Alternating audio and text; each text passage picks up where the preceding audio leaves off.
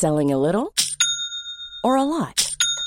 Shopify helps you do your thing however you cha-ching. Shopify is the global commerce platform that helps you sell at every stage of your business. From the launch your online shop stage to the first real life store stage, all the way to the did we just hit a million orders stage. Shopify is there to help you grow. Shopify helps you turn browsers into buyers with the internet's best converting checkout. 36% better on average compared to other leading commerce platforms because businesses that grow grow with Shopify. Get a $1 per month trial period at shopify.com/work. shopify.com/work. Hey, I'm Ryan Reynolds. Recently, I asked Mint Mobile's legal team if big wireless companies are allowed to raise prices due to inflation. They said yes. And then when I asked if raising prices technically violates those onerous 2-year contracts, they said, "What the f*** are you talking about? You insane Hollywood ass." So to recap, we're cutting the price of Mint Unlimited from $30 a month to just $15 a month. Give it a try at mintmobile.com slash switch. $45 upfront for three months plus taxes and fees. Promo rate for new customers for limited time. Unlimited more than 40 gigabytes per month. Slows. Full terms at mintmobile.com.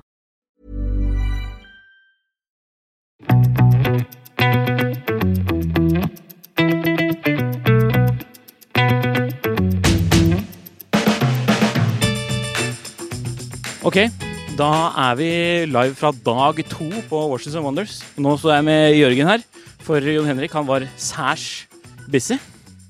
Så da er det vi som rapporterer fra Klokkelandsdag i dag. Men I hvert fall inntil videre. Eh, I Hva er det vi har sett eh, så langt i dag?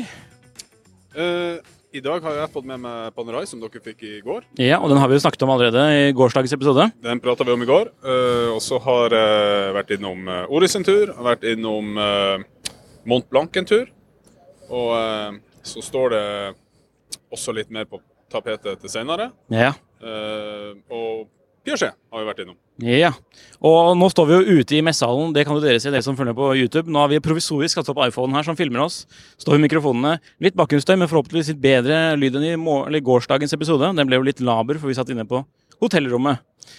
Eh, Oris, hva er det beste der? Eh, Oris velger jo å gå eh, litt sånn lekent i år, og lansere ei klokke i samarbeid med Disney, som nå eier da uh, Muppet Show, som mange kjenner. Og lanserer da en eh, Pro Pilot uh, X med altså Kermit the Frog som hovedessensen i klokka. Ja. Det vil si ei grønn skive, og eh, hver måned den første så dukker Kermit the Frog opp som uh, istedenfor det vanlige datotallet.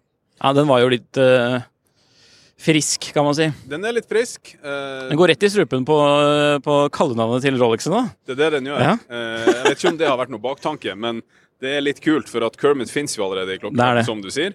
Og har vært veldig sånn velbrukt på den Rolex-modellen. Absolutt. Eh, men eh, det er ei kul klokke, og det som skiller den litt ut For at Oris har jo før også gjort en del litt sånne eh, Kall det utradisjonelle modeller. Ja. Men da har de veldig ofte brukt eh, urverk fra altså Celita Eta. Mm. eh, som har holdt prisen litt lav. ikke sant? Altså Klokker som på en måte kanskje du må være litt entusiast eller litt kjenner for å kjøpe, så har de prøvd å holde prisen litt nede. For de skjønner at, at det blir kanskje litt dyrt Ja. eh, hvis du putter deres eget urverk i kassen. Men med Kermit så har de kjørt full pakke. Det er altså titan i kassen, og så er det deres eget urverk på innsida. Ja. Så prisen blir jo på en måte i Norge sikkert rundt 50 000 for ei klokke med en uh, Kermit the Frog. Men blir kallenavnet Kermit? Eller hva blir kallenavnet her? Offisielt heter den jo Pro Pilot uh, X Kermit. Ja. Så uh, jo, det blir nok fort i hvert fall Oris Kermit. Ja. Så I motsetning til Rolexen, da, så blir det faktisk det offisielle navnet. Det er jo litt festlig. Det er litt festlig. Ja. Det, er- det er ikke så alle andre som hadde turt å gjøre det, altså, tror jeg. Å gå rett eh, mot eh, Rolexen der. Eller mot og mot, da. Det er jo en slags Ja, et trivelig spill, om man kan kalle det det. Det er det. Og Oris er litt kjent for det i, i klokkeverdenen òg, å være litt sånn frisk. Mm. Uh, de er de, de kaller jo klokka sjøl for uh, seriøst uh, useriøs. Så eh, det fanger vel litt av Ja. essensen. Jeg gleder meg til å se den. Jeg har ikke sett den ennå, men skal se den eh, i morgen, tror jeg. Så det blir artig. Den eh, modellen som den er lansert i, eller altså den som Grummet kommer i, det er jo en veldig sånn fresh og fremtidsrettet, hva skal man kalle det, klokke, egentlig. Ja. Uh, I titan spesielt. Litt sånn moderne Så- tolkning av ei pilotklokke, egentlig. Eh, så denne, den har vi jo sett med litt sånn ulik både størrelse og komplikasjoner og sånt, men kom Mm. jo i fjor med en del litt sånne friske farger på skiva, Ja. og videreføres da i år med Kermit. Nei, eller ut, utover det så har jeg vært på Mont Blanc da, så, så langt i dag. Nå spiller vi inn rett eh, etter lunsj, eller vi fikk det så vidt kapet oss et sted å spise for å stresse videre til neste avtale her. Eh, Det er jo, man må, må bare poengtere det, ta en liten pause og si litt om atmosfæren her, tror jeg. For at eh, nå, nå, nå, er det litt stress. Nå det Nå koker det bra. Nå har vi funnet oss det eneste stille hjørnet på messa. Og bortsett fra det, så er det altså fullt kok. Ekstremt mye folk. Ekstremt mye journalister. Og um, i det hele tatt litt vanskelig å finne en plass der det ikke er så mye lydforurensning. av dette Nei, det er eh, helt vilt. Det er sånn, Vi må jo stå her og holde mikrofonene liksom rett i munnen, eh, bokstavelig talt. eh, Så. Men nå får du i hvert fall sett litt rundt her, om du ikke har sett på YouTube-videoen fra i går. Um, ja, Mont Blanc, da. Ja. Vi ble jo vist en eh, Du så den også, ikke sant? Ja. Vi ble jo vist en litt sånn eh, En litt sånn rar video, da, om du spør meg. Med sånn eh, fjellklatrere og at liksom den nye kolleksjonen som de lanserer nå, er fokusert liksom på, på fjell. Eller de, de, de åtte toppene som Det er en sånn konkurranse om å nå liksom Eller nærmest en konkurranse om å bestige innen kortest tidsrom. Ja, det har jo blitt det, Mm. nesten. Um, uh, de fortsetter jo med det de slapp i fjor, og fokuset er egentlig det samme. Ja. Eh, og som du sier, en litt sånn rar video. Mont Blanc de, de brukte vel en åtte-ti minutter av den eh, halvtimen de hadde til å vise en film av bare fjell, uten Mm. en eneste klokke. Uten klokke.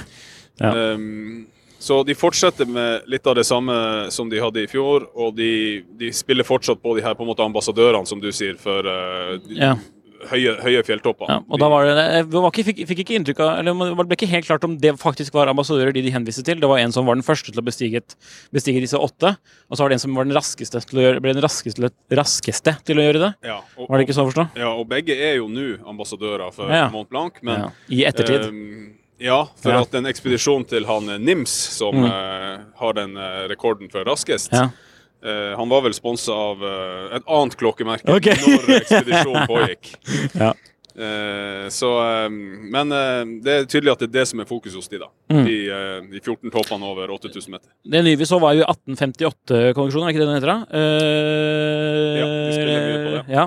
Så for eksempel Geosfair. Alle, vi har sett alle disse klokkene før, av den, i den fjellgreia i hvert fall.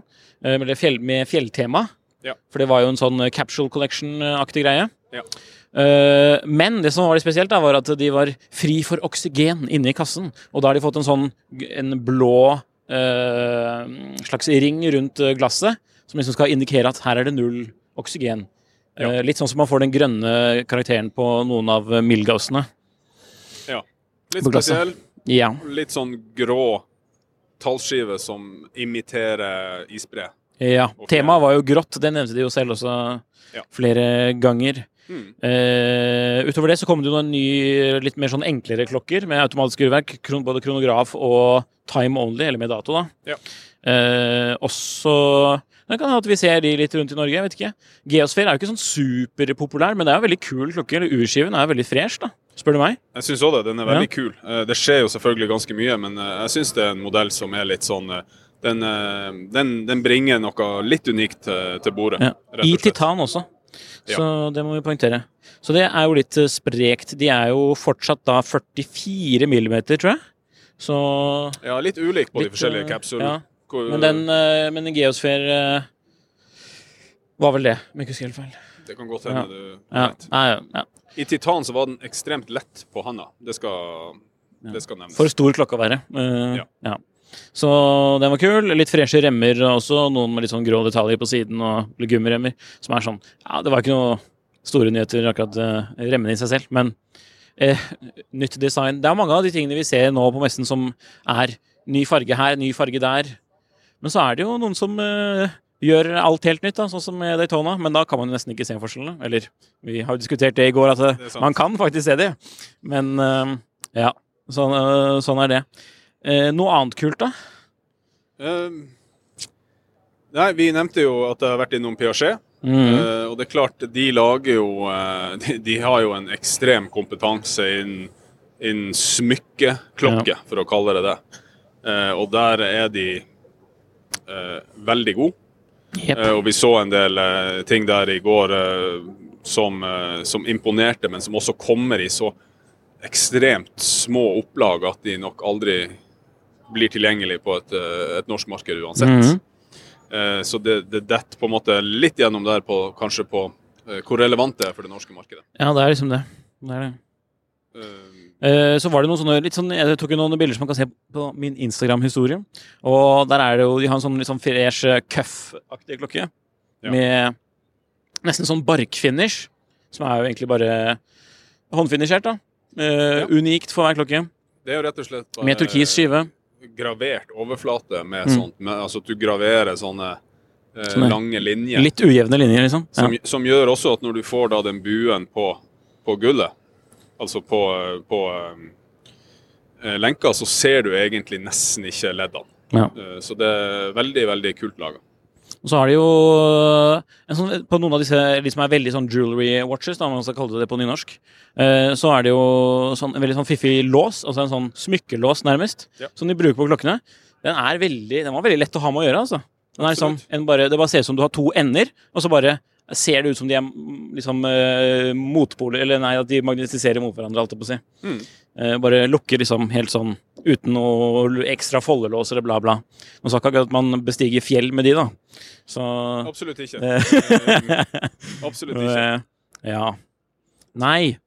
Og så var vi jo på Skal vi se hva annet var det å har sett i dag? Det er altså så mye. Eh, Jeg var på Parmigiani. Ja. Tittet litt på klokkene deres. Der har du kommet med en GMT Ratrapante, av alle ting. Litt spennende.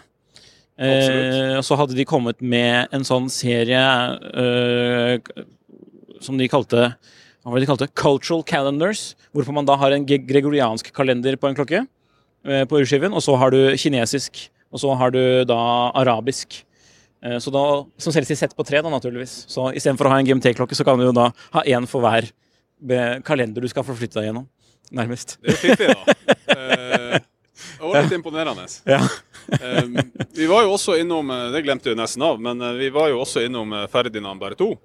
ja, Eh, det må vi snakke om. Og, og det er jo selvfølgelig et merke som eh, lager veldig få klokker i året. Eh, men eh, i år som i fjor så er jo det noe av det råeste som vises fram her.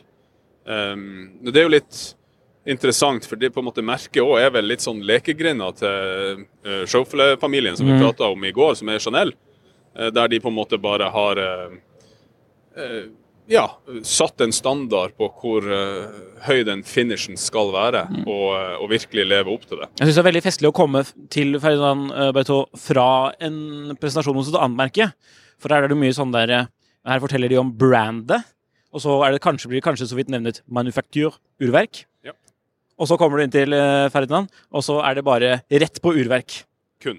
Og kun. Og, og, og som de trekker fram, de har slutta med å på en måte si hvor mange eh, klokker de vil lage eh, i en sånn begrensa opplag. De sier altså hvor mange urverk de har mulighet til å lage. Mm. Og urverket setter rett og slett begrensninger på Ja. antallet klokker. Eh, og, og der også er det jo selvfølgelig Nå snakker vi jo en prisklasse der eh, den billigste klokka vi så i dag, den, eh, den starter vel fort på 1,3-1,4 millioner. Så der kan jo da sluttbruker gå inn og, og rett og slett være med å bestemme veldig mye av altså kassemateriale, skivemateriale, skivefarge, en del finish på urverk og sånt. Mm. Og rett og slett være med å skreddersy den klokka til akkurat den du vil ha. Og jeg tror ikke jeg, jeg lyver på å si at eh, Jon Henrik òg var relativt imponert. Han var imponert. Han syntes det var litt kjipt at de måtte gå litt tidlig for å Eller han syntes ikke det var kjipt, da, men vi har også intervjuet uh, Wilhelm Schmid. Wilhelm Schmid, som er uh, sjefen i Alangonzone. Og det var jo festlig. Sjekk ut det som en egen bonusepisode neste uke, tenker jeg det kommer. Ja. Eh, men eh, ja, Ferdinand Beto, eh, imponerende greier. Det var jo primært liksom én ny klokke, men som de liksom skulle gjøre en last hurra av dette urverket som de lagde i 2013 eller noe lignende, var det ikke det? Ja, Eh. det var, om det var 2013 tør jeg faktisk ikke å si. Nei, men Det var noe rundt der. Det var ikke sånn fryktelig lenge siden, men eh, likevel eh, litt lenge siden. Eh, Absolutt. ja. Og de baserer seg veldig på de gamle liksom, marine kronometre som de lagde eh, for, for lenge Mm. siden, og med samme på en måte høye struktur på urverket. Der Ja. du bygger det i sånne eh, rett og slett over etasjer. Ja. De er ikke så veldig redd for, redd for høyden på klokken, men det er jo ikke, det er jo ikke Altså, det er jo langt ifra umulig å ha på seg, på en måte. Det er jo Jeg syns faktisk de bærer Meget, eh, overraskende bra til å være ja. såpass stor. Og den, på en måte, den, den nye klokka som de lanserte nå, den var jo også eh, langt mindre høy og stor. Den var jo rett og slett ei, ei pen dressklokke. Ja. Eh, virkelig bra. Og de kjører samme filosofien som en del andre sånne virkelig high end-merker. At de, kjører på en måte topp finish på alle sine klokker, uansett mm. hvor komplisert de er eller ikke. Ja. Det skulle på en måte bare mangle med et sånt merke, men ja. det er greit å understreke. For det, det er mange som har begynt å jukse litt på det, og som på en måte ser at de ikke klarer å levere det på, på veldig mange klokker, og som har begynt å komme med litt sånne budsjettutgaver av, Ja. av klokken sin. ja. Nei, altså Det var jo et veldig hyggelig besøk. Sånn sett. Du tok jo noen eh, supre bilder, tror jeg. Jeg håper det. Så man må sjekke ut det på den eventuelle artikkelen på tidsson.no, eller på Jørgen sin eh, Instagram, Det, som du kan pitche. det kommer nok. Ja. ja. litt, sånn andre, litt sånn generelt om eh, messen, da. Eh, som sagt, dag nummer to. Du har møtt mange du kjenner.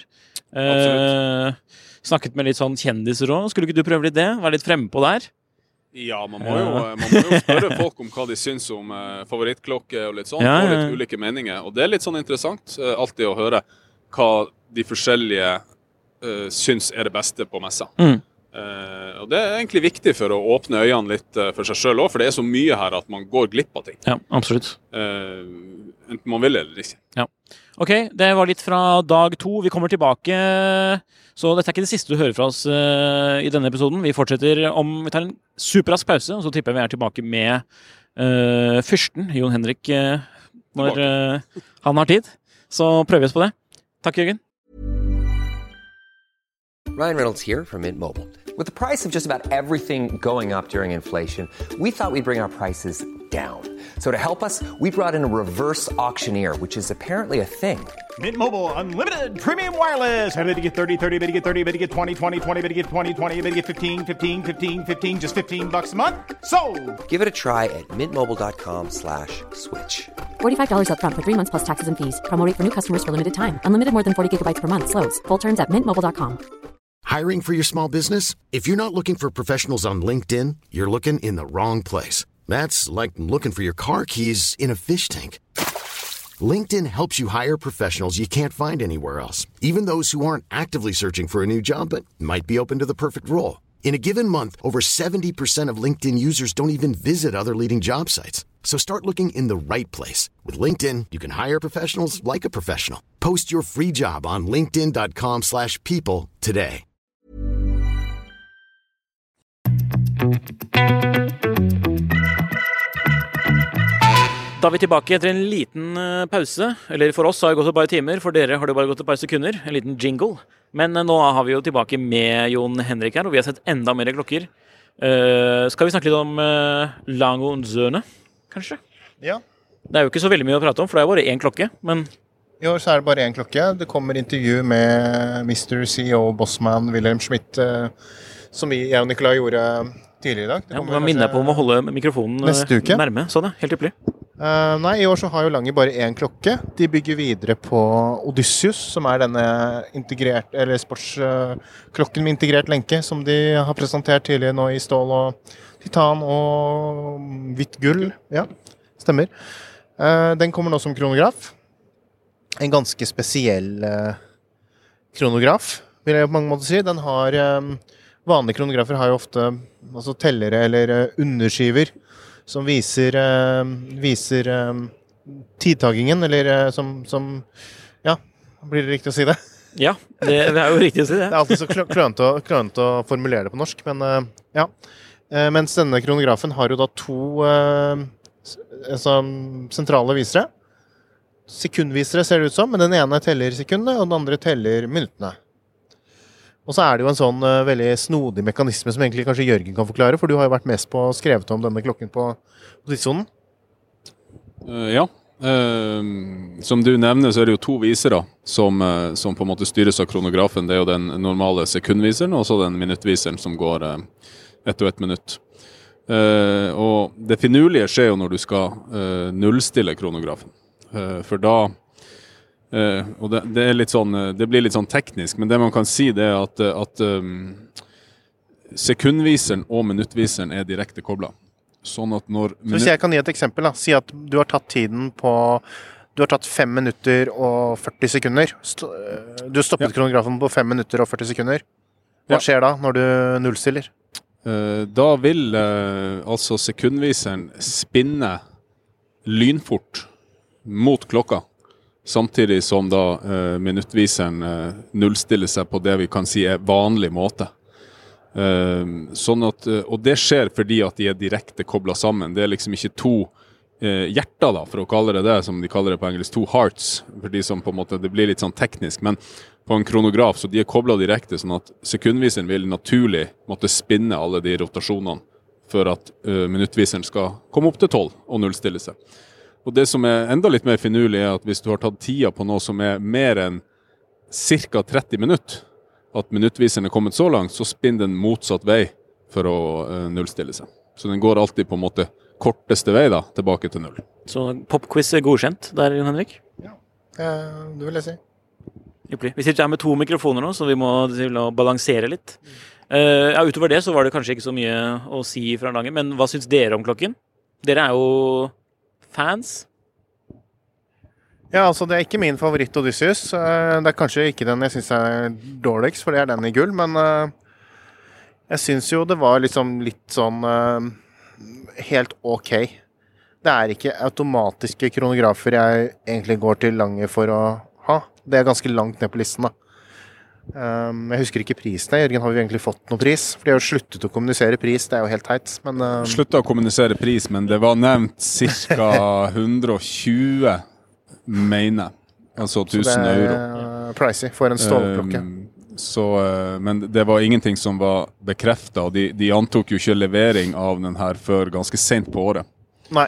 Eh, men du var så vidt inne på det, det er verdt å nevne også at det er jo den første selvtrekkende kronografen fra Lange. Ja. Um, så eh, den, den på en måte introduserer jo noe nytt så, i så måte òg. Absolutt. Og det er uh, altså Grunnen til at vi ikke liker selvtrekkende kronografer, det er jo fordi at, i hvert fall ikke når det er på det nivået til Lange, det blir jo et annet design på urverket. Og det er liksom noe, hvis man går i hva som er det kanskje det vakreste sånn eh, Vakreste urverk, urverkene man får tak i, så er jo det nesten eh, ja, mekaniske kronografer. da, altså Mekaniske, manuelle kronografer uten eh, selvtrekk.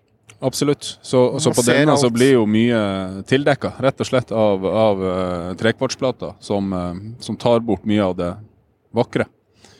Uh, så det gjør det heller ikke til noen favoritt for meg. Jeg syns også den er litt for stor og litt for høy eh, for eget handelen. Eh, Mest for høy, mest for høy kanskje? Så Mest for høy. Mhm. Mest for høy, absolutt. Eh, men eh, det er jo ei, flott klokke, men det er en del jeg hadde valgt før den. Det er det. For jeg mistenker at vi, når vi intervjuet uh, Mr. Schmid, at, så så jeg at For han hadde jo på seg den nye kronografen.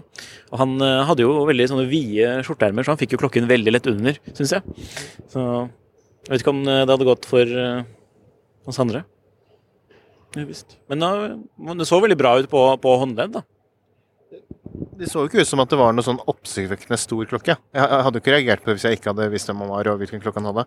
Det så ut som en vanlig ja, altså en, en vanlig moderne klokke. altså Ikke en, ikke en, ikke en klassisk dressklokke, men en, en moderne sportsklokke. Så, men jeg skjønner liksom veldig godt at det er ikke den første klokken. Men man får jo sikkert ikke kjøpt den som en første lange klokke, for dette er jo en klokke som de bare kjører i 100 eksemplarer. Eh, Det kommer nok flere etter hvert, men eh, i andre, litt andre utførelser. Og man må ha kjøpt ganske mange lange, tror jeg, for å bli prioritert i en uh, merkebutikk for å få kjøpt en sånn uh, Odysseus. Uansett materiale og, og type. Ja, definitivt. Og det som skal trekkes fram, det er jo på en måte bruken av de her trykknappene som er integrert i kassesida. Det er egentlig perfekt for en kronograf. Så, så det, det har de løst på en finurlig måte også, der du kan fortsatt bruke de til å stille dag og dato, men da må du skru ut krona først. Så det, de, har, eh, de har løst det på en god måte. Ja. Nå må jeg løpe videre til eh, Hermes og se på nyhetene der. Så da fortsetter bare dere. Uh, Jon Henrik, du har sikkert noen sterke meninger om uh, orisene vi så på i stad. Vi har allerede snakket om de lite grann, jeg og Jørgen. Men dere kan jo si, du kan jo si litt hva du syns om det nå. Jørgen har kontroll på temaene. Ja, vi har snakka litt om, uh, om Kermit, Sett deg litt mer, mer i midten her, da. Uh, men vi har ikke prata om uh, altimeter, så den kan jo du få lov å, å nevne litt om, for den likte du. Altimeter Ehm, det er en modell som jeg egentlig har syntes har vært ehm, Og det er jo selvfølgelig en klokke med altimeter, det sier seg egentlig litt selv. Men, og det er jo, hvis man kjenner litt til Oris, så har man sikkert vært borti altimetermodellen tidligere, som er en sånn skikkelig tøffing pilotmodell. Eh, jeg er jo litt sånn biased, fordi jeg har jo allerede en sånn Colson pilotklokke som jeg viste frem på her på Klokkelandslaget en del ganger tidligere med den røde skiven og en sånn um, komposittkasse. 3D-printet uh, karbonkompositt. Og det er jo det samme materialet som de nå kjører i denne nye Altimeter uh, pilotklokka. Uh, Så har den jo veldig sånn um, Hva skal man kalle det? Veldig sånn tøffing, maskulint uttrykk med litt sånn militære farger og litt sånn instrumentpreg, egentlig. Ja, definitivt. Stor. Husker Stor. ikke diameteret, men det Ca. 44-45? Ja, jeg tror nok vi er oppi det. Og så var den ganske chunky også. Ja, men det er jo verdt å nevne at den har gått ned i, eh, i tykkelse fra den stålmodellen som det har vært på markedet noen år allerede. Eh, og, og det er også på en måte uh, Sammen med den 3D-printa kassen i sånn eh, karbonkompositt gjør ganske mye for, eh, for bærekomforten. Ja. Jeg har vært heldig nok til å prøve begge to eh, side om side samtidig i, tilbake i januar. Og, eh, og eh, det gjorde utrolig mye for følelsen å få den i det nytt, nytt materialet, rett og slett. Og det, er jo, det er jo verdt å nevne også den her 3D-printinga av karbonkompositt, for det er litt sånn spesielt. Ja. Og som de forklarte også, da har de mulighet til å på en måte printe de fibrene eh, riktig vei der det trengs mest. Altså du, kan, du kan legge styrke i, i karbonkompositten på de plassene der de vet at de ønsker mer styrke. Okay. Så eh, det er en litt sånn uh, unik prosess enda, Ja. som sikkert kommer mer av Fremover. Jeg merker jeg egentlig ikke klarer å sette så veldig pris på den delen der, og at det egentlig ikke er det jeg heller bryr meg om i den jeg har, men eh, ja, kanskje noen syns det er gøy. Nei, men det, det viser liksom- jo litt sånn materialutvikling og hvordan Ja. man uh, angriper de på forskjellige måter, da. Men jeg bare tenker liksom, ja, Oris, det er, det det man kjøper for uh, innovasjon? Det er jo Jeg vet ikke. Nei, jeg skal ikke svare. Nei. Jeg føler liksom det, jeg, For meg så var det mer, handler det mer om bare at det var et kult look. Det er en kul funksjon, det er et kult, uh, et kult design. Veldig ukomplisert, veldig mm, Veldig eh, litt sånn som, hva skal jeg si eh, Nei, det blir en feil. Da kommer jeg til å få mange sinte. Men sånn tidlig Panerai, altså, hvor det er liksom bare tøft og kult, og så Ja vel. Det er eh, Det tekniske er egentlig ikke så veldig viktig. Nei. Så har vi jo sett litt andre ting. Ja, nå kommer jeg inn litt sånn sent her, så jeg er ikke helt sikker på hva vi har snakket om tidligere i, i poden, Jørgen, men det vet du jo sikkert du. Ja, litt. Var det noe hos Oris du tenkte, eller var det andre Ja, ting? Har du noe mer på hjertet på Oris? eh, snakket dere noe om det tidligere med Kermit Vi har snakka litt om Kermit. Ja. Eh, det andre som kom derfra, var jo egentlig eh, litt bare utvidelser av ting som eksisterer. Ja, og noe Altså- også under embargo, Ja. mener jeg. Så litt sånn uh, akkis, Akkis. Aquis. Eh, så, nei, egentlig ikke så mye mer å snakke om hos Oris, sånn som jeg tenker. nei. Andre merker som vi var innom, uh, hva, hva har vi snakket om tidligere? Uh, vi har snakka litt om, eh, så vidt om Piaget. Du kan ta litt om Piaget, for vi snakka bevisst ikke om evighetskalenderen der. Nei. Nei, de har jo en ny sånn En ny evighetskalender i Polo Heter det Polo S nå? Jeg, jeg husker ikke Det husker jeg faktisk ikke. Nei. Ehm, snakket dere om polo i det hele tatt, eller? Nei, vi Nei, sparte den okay. til det. Fordi eh, Piaget har jo en serie som heter Polo eller Polo S. Jeg tror den heter Polo S, ja. Um, som egentlig er et gammelt uh, For Polo er jo et navn som har vært med Piaget i en årrekke, som tilbake til eh, 70-tallet, om jeg ikke tar feil. Uh, med integrert lenke og liksom litt den typiske 70-tallslooken, men på Piaget-måten. Og det er egentlig en ganske kul modell i originalen. Eh, for noen år siden så hoppet jo også Piaget på litt den derre Aquanaut, Nautilus, eh, Royal Oak-bølgen, holdt jeg på å si, og relanserte denne som jeg nå tror heter Polo S. Ja, nå blir jeg mer og mer sikker jo mer jeg sier det. Høres riktig ut. Um, og det er jo en serie som jeg tror har vært sånn uh, moderat, uh, moderately successful. Liksom, uh, ja greit nok, liksom. Det er jo ikke noen klokke vi har sett noe særlig til i Norge, men det har jo litt sammenheng med at vi ikke har noe, kanskje noe Piaget-forhandler heller. Men det er jo ikke en klokke man heller ser så veldig på så veldig mange håndledd, i hvert fall eh, i de kretser jeg vanker i, i sånn når man er på utenlandstur eller, eh, eller for, i, på bransje-events. Nei, helt enig. Vi har sett lite til den, men de har lansert ganske mange ulike utgaver, så det Ja. virker som at den på en måte er populær. Og det er en veldig velbygd klokke. Den føles veldig bra. Det eneste jeg tror folk reagerte litt på, eller det folk reagerte på i, start, i starten, var jo at den var ganske lik Aquanaut. Litt sånn derre En slags kopi av uh, Aquanaut var vel liksom de mest uh, kritiske røstene hevdet at det var. Uh, de brukte jo Ryan Reynolds eller noe sånt, tror jeg, en periode for å reklamere for den. Så han, gikk jo, han ble jo spottet uh, titt ofte med en sånn uh, Polo S. Um, nå i dag så har vi jo sett en um, sånn Å, en uh, EVS-kalender i grønn. Med et sånt ultratynt uh, Piaget-kaliber. For det er jo noe de virkelig kan. Å lage et slankeurverk med mikrorotor og som ser ganske bra ut. Nå har, har de vel ikke verdensrekorden lenger, fordi det er jo Bulgari som har uh, nesten gjort rent bord der og tatt skikkelig innersvingen på Piaget, men, men altså likevel veldig kule ting fra Piaget. Uh, EVS-kalenderen ja, hva skal man si? Ganske slank, fordi den er basert på et baseurverk som er veldig slankt. Og en ganske ordinær uh, EVS-kalendermodul, som jeg kjenner litt fra før, for den har jeg i en uh, på Mercier Clifton-klokke som jeg har eh, selv.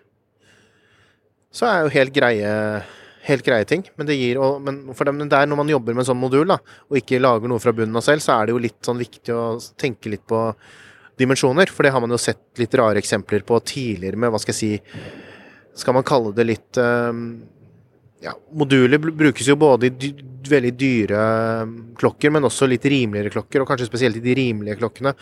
Så har man jo ofte sett det at det kanskje ikke mm, modulen nødvendigvis er helt eh, Det har vært litt ulike produktkomiteer som kanskje har sagt nei, vi skal ha en 42 mm klokke, for det er det markedet i eh, land X eh, ønsker, og den skal være dressy og komplisert og være en litt avansert klokke for oss. Og så ja, da må vi ha en EVS-kalender, og så hvor får vi den? Jo, vi går til uh, Dubois Depra, og så kjøper vi en sånn modul.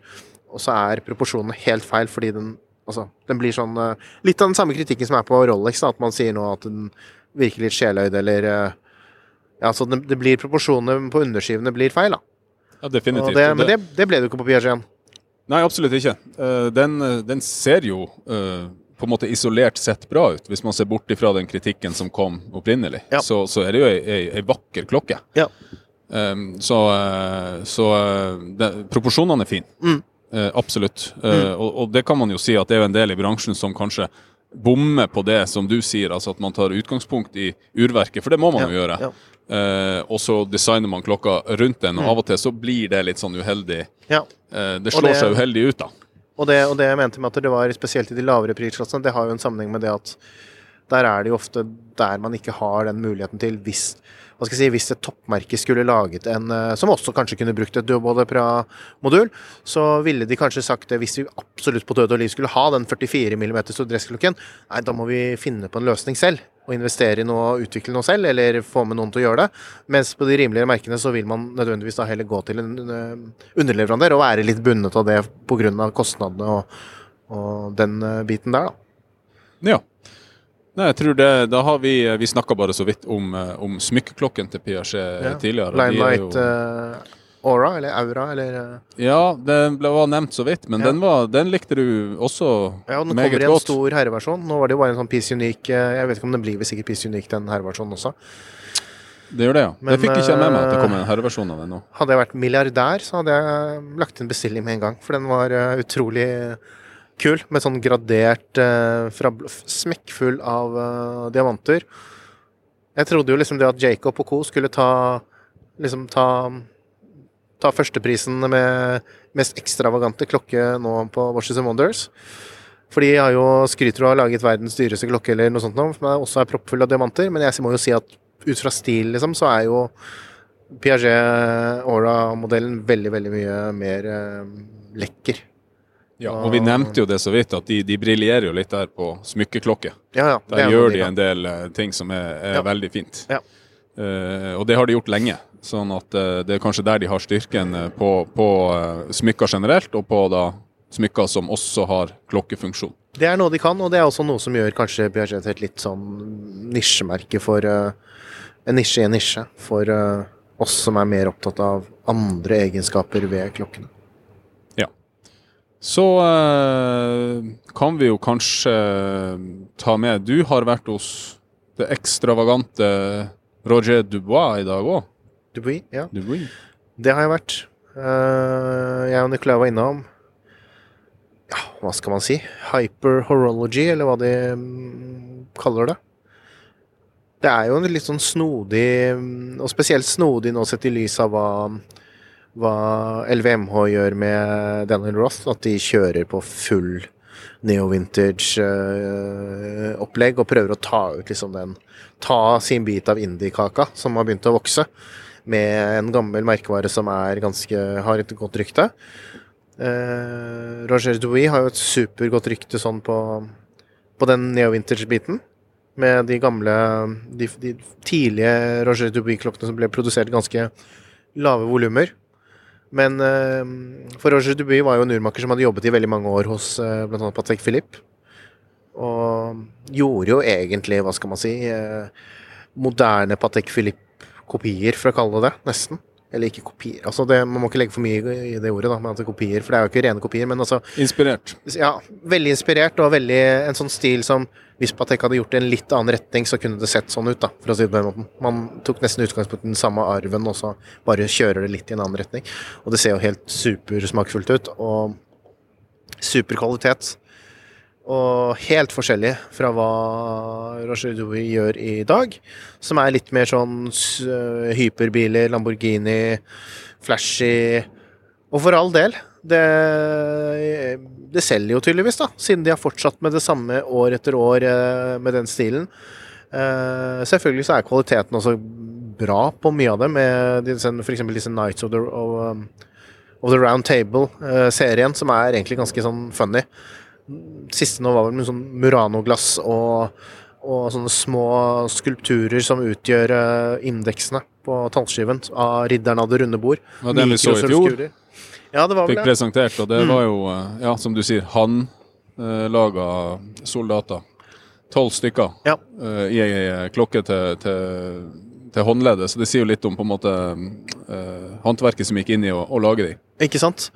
Og det er jo, så det er jo et litt sånn det er et, det er et merke som egentlig er fylt av en del motsetninger på den måten også, ved at det er en del håndverks... eh, håndverksmessige ting da, som, som foregår der, samtidig som det er et veldig sånn eh, moderne merke. Jeg vet ikke hvordan man skal beskrive det, men, men det er jo litt den samme sfæren som, som uh, Richard Mille og Ublå, på en måte. Uh, selv om det er ganske ulike merker og ulike, kanskje litt ulike prisklasser og, og sånn også, så er det jo liksom i den, i den sfæren, men samtidig så har det en del kvaliteter som er unike. Jeg tror de har mye mer know-how innad enn det f.eks. Uh, Richard Mille har. Hvor en del av urverkene som vel ganske mye blir laget av andre underleverandører med APRP og, og, og sånn. Så det er, det er et merke som egentlig har et ganske, men jeg tror har et ganske bra fundament å kunne gjøre mye kult, men som, et, men som selvfølgelig også både pris og design blir litt for over the top for i hvert fall den jevne nordmann. Men er man en sånn type som liker å skille seg ut, og som ikke akkurat er så veldig sjenert med å vise at man har uh, midler og Og smak, for å kalle det det. og egen smak, så er jo Roger Duby helt eh, midt i blinken. Eh, I de- år så var det en sånn eh, konseptklokke som de egentlig viet all oppmerksomheten på. De fortalte om merkets DNA, og så var det opp til opp med konsept. Og jo, det ser jo kult ut, og det hadde en slags eh, Åh, hva var det de kalte det? Eh, det finner man på Google. Men de kaller det en tourbillon, men det var ikke en tourbillon. Det var en slags, Istedenfor et bur, så var det en slags arm, men den hadde samme funksjon som en tourbillon. Og det var en sånn vill, helt vilt design, rød. Og standen deres i år ser jo ut som en, eh, hva skal jeg si, en eh, framtidsvisjon av hva en eh, fabrikk eller eh, ja, jeg vet ikke, kunne se ut. Og de har jo sånne robothunder som driver og løper rundt på messegulvet her. Så de Ja, det skulle jeg komme tilbake til å spørre deg, siden jeg ikke har vært der. Men Nei. eh, den uh, robothunden driver jo og, og trør rundt her i fellesområdene. Ja, så eh, fikk du noe sånn backstory på Nei, vi ikke noe i det hele tatt. Det ble ikke nevnt i det hele tatt. Så vi, vi hadde ikke tid til å være der så lenge, da, så vi fikk med oss veldig mye. Men eh, de, ja, de kjørte på med fullt industrielt tema med sånne industriroboter og, og, sånne, og mer sivile roboter, holdt jeg på å si. da. Som, eh, så ja, det er, det er jo litt show, da. Og de klarer, de vet å lage show. Og det er jo fra dette merket også nåværende, eller nye, nye Han er ikke så veldig ny lenger, men CEO i Panerai kommer også fra Roger Duby. Og det er jo litt der eh, mange tar han, at mange tar eh, Panerai litt, da. At de mener at nå har eh, dere hentet inn denne personen som bare er vant til å gjøre det på den måten, til Panerai. Og det kan ikke gå bra, og det er derfor det går dårlig, og bla, bla, bla. Ikke sant. Men Ja. Er det noe annet vi har sett i dag som vi skal få med i dagens episode? ja, hva er det vi har sett, da? Og jeg, hva har dere pratet om? Er det noe, har du noe på hjertet, Jørgen? Du pleier jo noen ganger å ha det. Ingen sånn kjempesterke meninger i dag, annet enn det vi allerede Jeg syns du har vært har jo litt eh, flat over eh, hele ukene. Men eh, det ikke, har det ikke vært noe som vekker litt sterke følelser, da? Eller sånn eh, ikke så veldig mye ennå. Jeg syns jo egentlig, som jeg har sagt før, det har vært kanskje få av de store høydepunktene for Ja. meg personlig enda. Ja.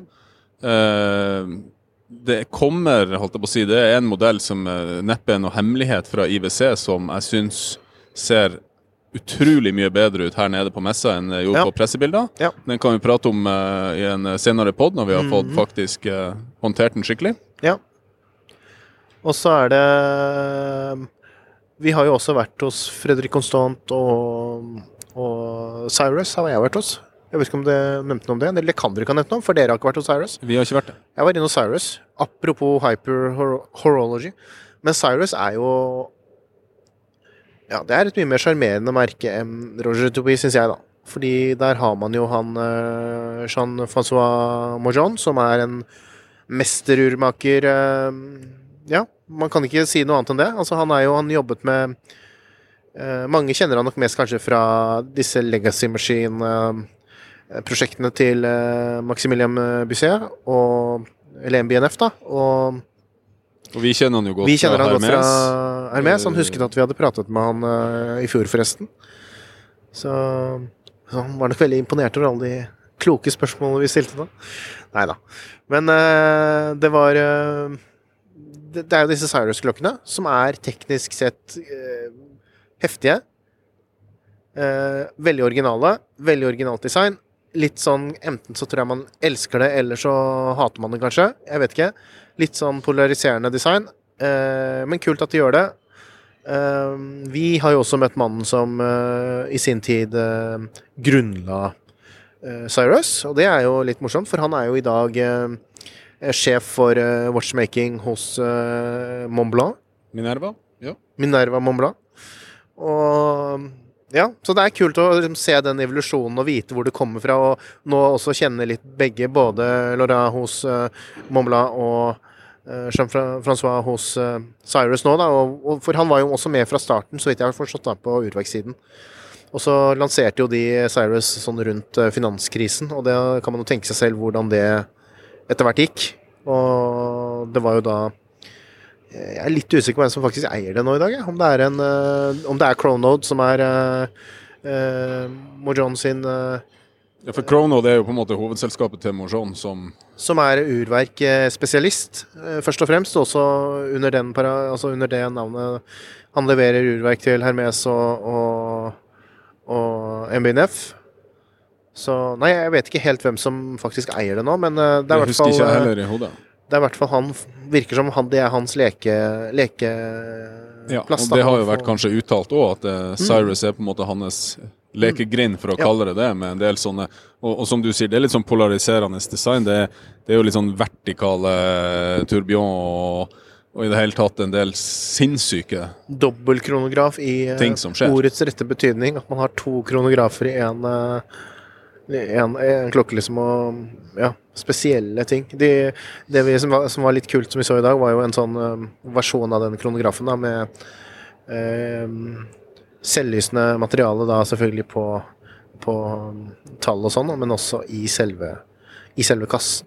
Så, så det Ja. ser Eh, kult ut. Jeg har ikke vært hos, uh, hos Cyrus uh, sjøl, så uh, jeg har ikke sett de her. Men Nei. Jeg har trødd litt rundt i det her området der det er mest independence og, Mm. og mindre merker som, øh, som holder Ber-. Bertou har vi pratet om, eller? Bertou snakka vi så vidt om, og jeg, jeg sa at øh, jeg vet at du likte den veldig godt. Ja, Det kan du jo få si ja, Det er jo en av mine absolutt favorittmerker, eh, egentlig. Og helt fantastisk. Og man bare Jeg tror til og med folk som ikke har peiling på klokker, da, hvis man holder en eh, Ferdinand Bertou-klokke og en uh, Sien Patek, da, en, en eh, så vil man faktisk se det at dette her er et høyere nivå. Ja, For nivået der er skyhøyt. Det har vi allerede nevnt så vidt eh, tidligere eh, i, i poden, men eh, det er, det er genuint imponerende, det de gjør. Eh, Men det som går igjen i på en måte blant alle de her eh, mindre independence-merkene, er jo enorme leveringsproblemer. Ja. Eh, Der de på en måte deltar på messer og lanserer nyheter som de ikke, altså som er utsolgt. Mm, Og som på en måte de har ingen eh, Det er ingen markedsmessig grunn til å være her, Nei. annet enn å på en måte opprettholde en, eh, en slags eh, bygging av merkevare. Ja. Så eh, Nei, Nei. det Men det er gøy. Det er gøy å se, selv om man ikke Det er veldig gøy å se, og det kommer faktisk litt, om, litt inn på akkurat den problematikken nå med Wilhelm eh, Schmidt nå til eh, uken, i episoden vi tar der. Hvor, eh, hvor han også snakker litt om den, hvorfor de bare lanserer én klokke, og, og hvor mange klokker de lager. Hvor han faktisk sier litt også. Så ja, jeg tror vi kanskje kan bare runde av med det, for nå ser jeg tiden også begynner å løpe litt for, for oss her. At vi må videre. Så ja, takk for at dere hørte på, og følg oss videre på tidsson.no. Der har vi også laget en artikkel hvor man kan se hvordan man følger oss, med linker til våre sosiale medier og, og en side vi har satt opp med en sånn livefeed hvor man kan følge litt med på, på det vi poster. Eh, hva er det Nikolai pleier å si? Klokkelandslaget, en podkast fra Finansavisen i samarbeid med tidsson.no. Lytt også til våre andre podkaster, som f.eks. Uh, Mil etter mil, en podkast om bil. Eh, eller Kunstpraten, hvis man liker kunst. Nei, jeg får la være å kopiere Nicolai Helfeld, men å si kanskje bare takk for oss. Takk for oss. Takk for oss.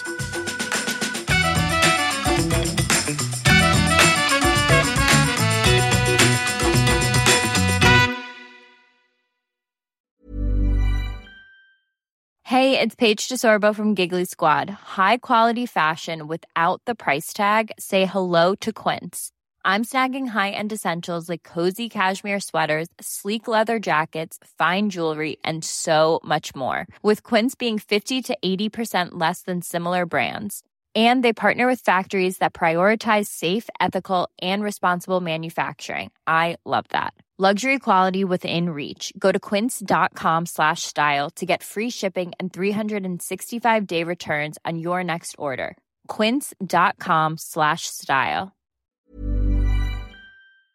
Klokkelandslaget er en Finansavisen-podkast i samarbeid med Tidso. Programleder er Nicolay Giel og Jon Henrik Haraldsen. Produsent er Lars Brenden Skram.